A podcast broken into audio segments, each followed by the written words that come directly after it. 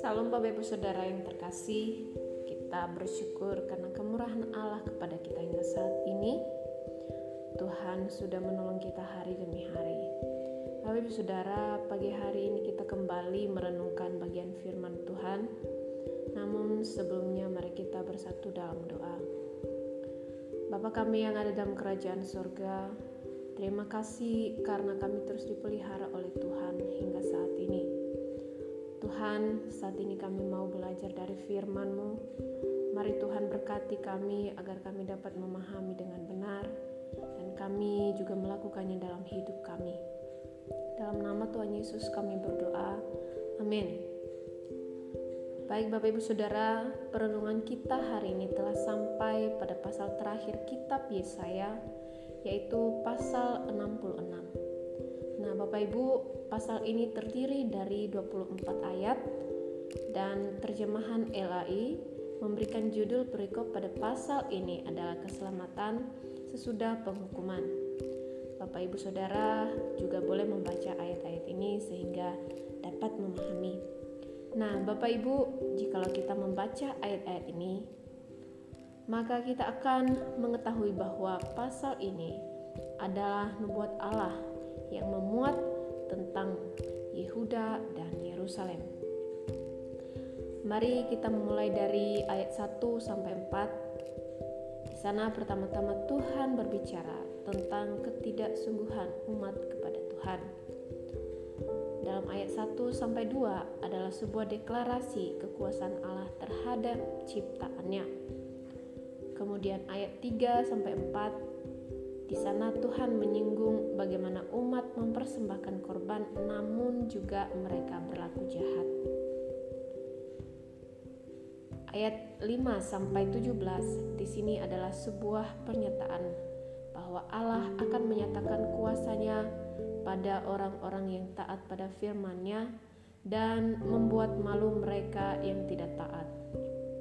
Ayat 18 sampai 21 adalah Catatan bagaimana orang percaya dari segala bangsa akan berkumpul untuk melihat kemuliaan Allah.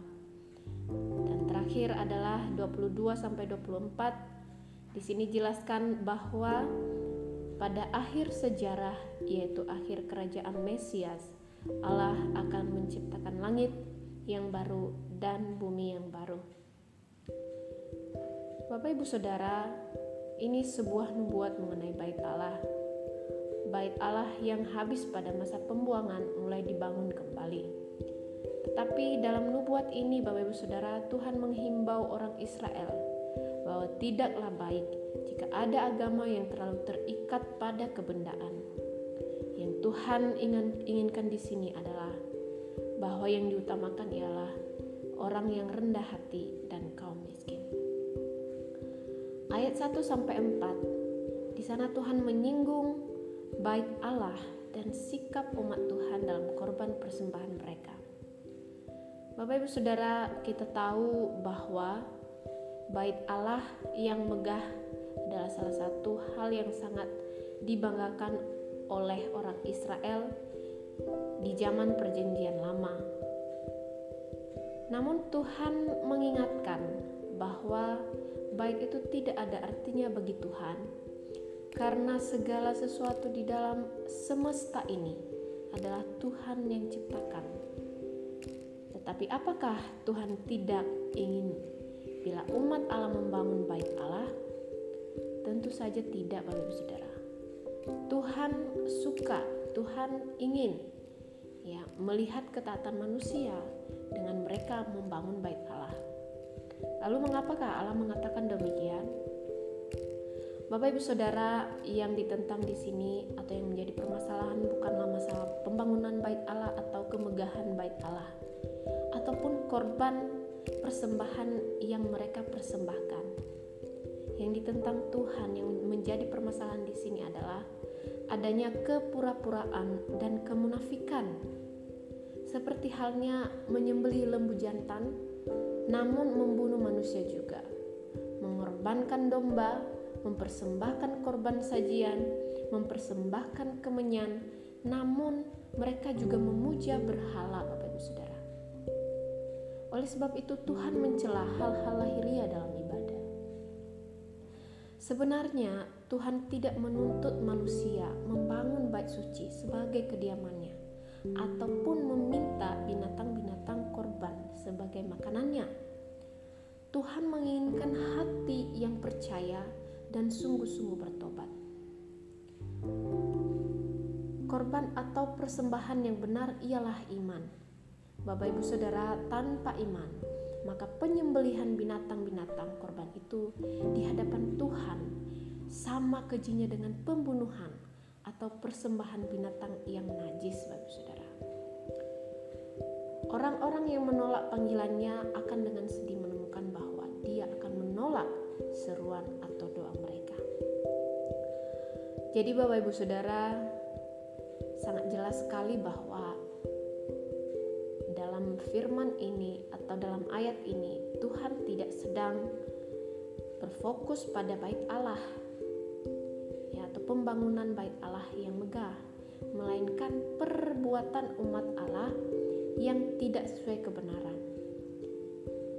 Nah, itu sebabnya Bapak Ibu Saudara, hal ini juga menjadi perenungan bagi kita. Dalam pembacaan kita pagi hari ini, kita dapat belajar beberapa hal. Yang pertama adalah bahwa di sini Yesaya mengkritik sikap dalam ibadah dan penyembahan yang bersemangat, namun sebenarnya juga melakukan. Bagaimana mungkin kita dapat berharap Bapak Ibu Saudara bahwa kita dapat berjumpa dengan Tuhan yang kudus melalui doa maupun pujian penyembahan kita sementara kita hidup dalam dosa. Bapak Ibu Saudara, firman Tuhan kepada kita hari ini mengingatkan umat Tuhan bahwa kita tidak dapat menyogok Tuhan dengan kebaikan-kebaikan dan ritual keagamaan. Kalau hati kita tidak setia, karena Tuhan mengetahui semua tindakan kita hingga ke lubuk hati kita terdalam, Bapak Ibu Saudara. Dengan itu, kiranya atau hendaklah kita melakukan semua dengan tulus.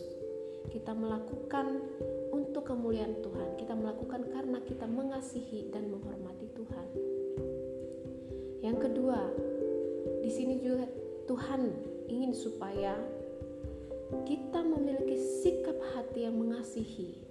Kita memiliki hati yang rendah, bukan mengutamakan ritual Bapak Ibu Saudara atau seremonial keagamaan semata-mata sebagaimana ia adalah Allah bersemayam di tempat tinggi, di tempat kudus, tapi juga Tuhan bersama-sama dengan orang-orang yang remuk dan rendah hati. Maka seharusnya orang-orang yang telah ditebusnya, ya kita orang-orang percaya yang telah menerima keselamatan, seharusnya juga berbuat hal yang sama.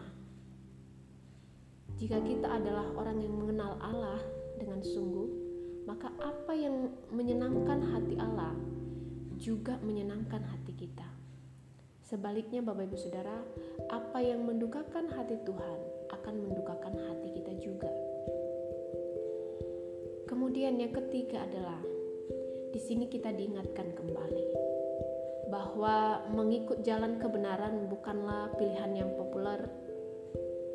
Namun Tuhan terus memberikan peneguhan kepada orang-orang percaya yang taat kepada firman Tuhan agar tetap berfokus kepada Dia, kepada Tuhan.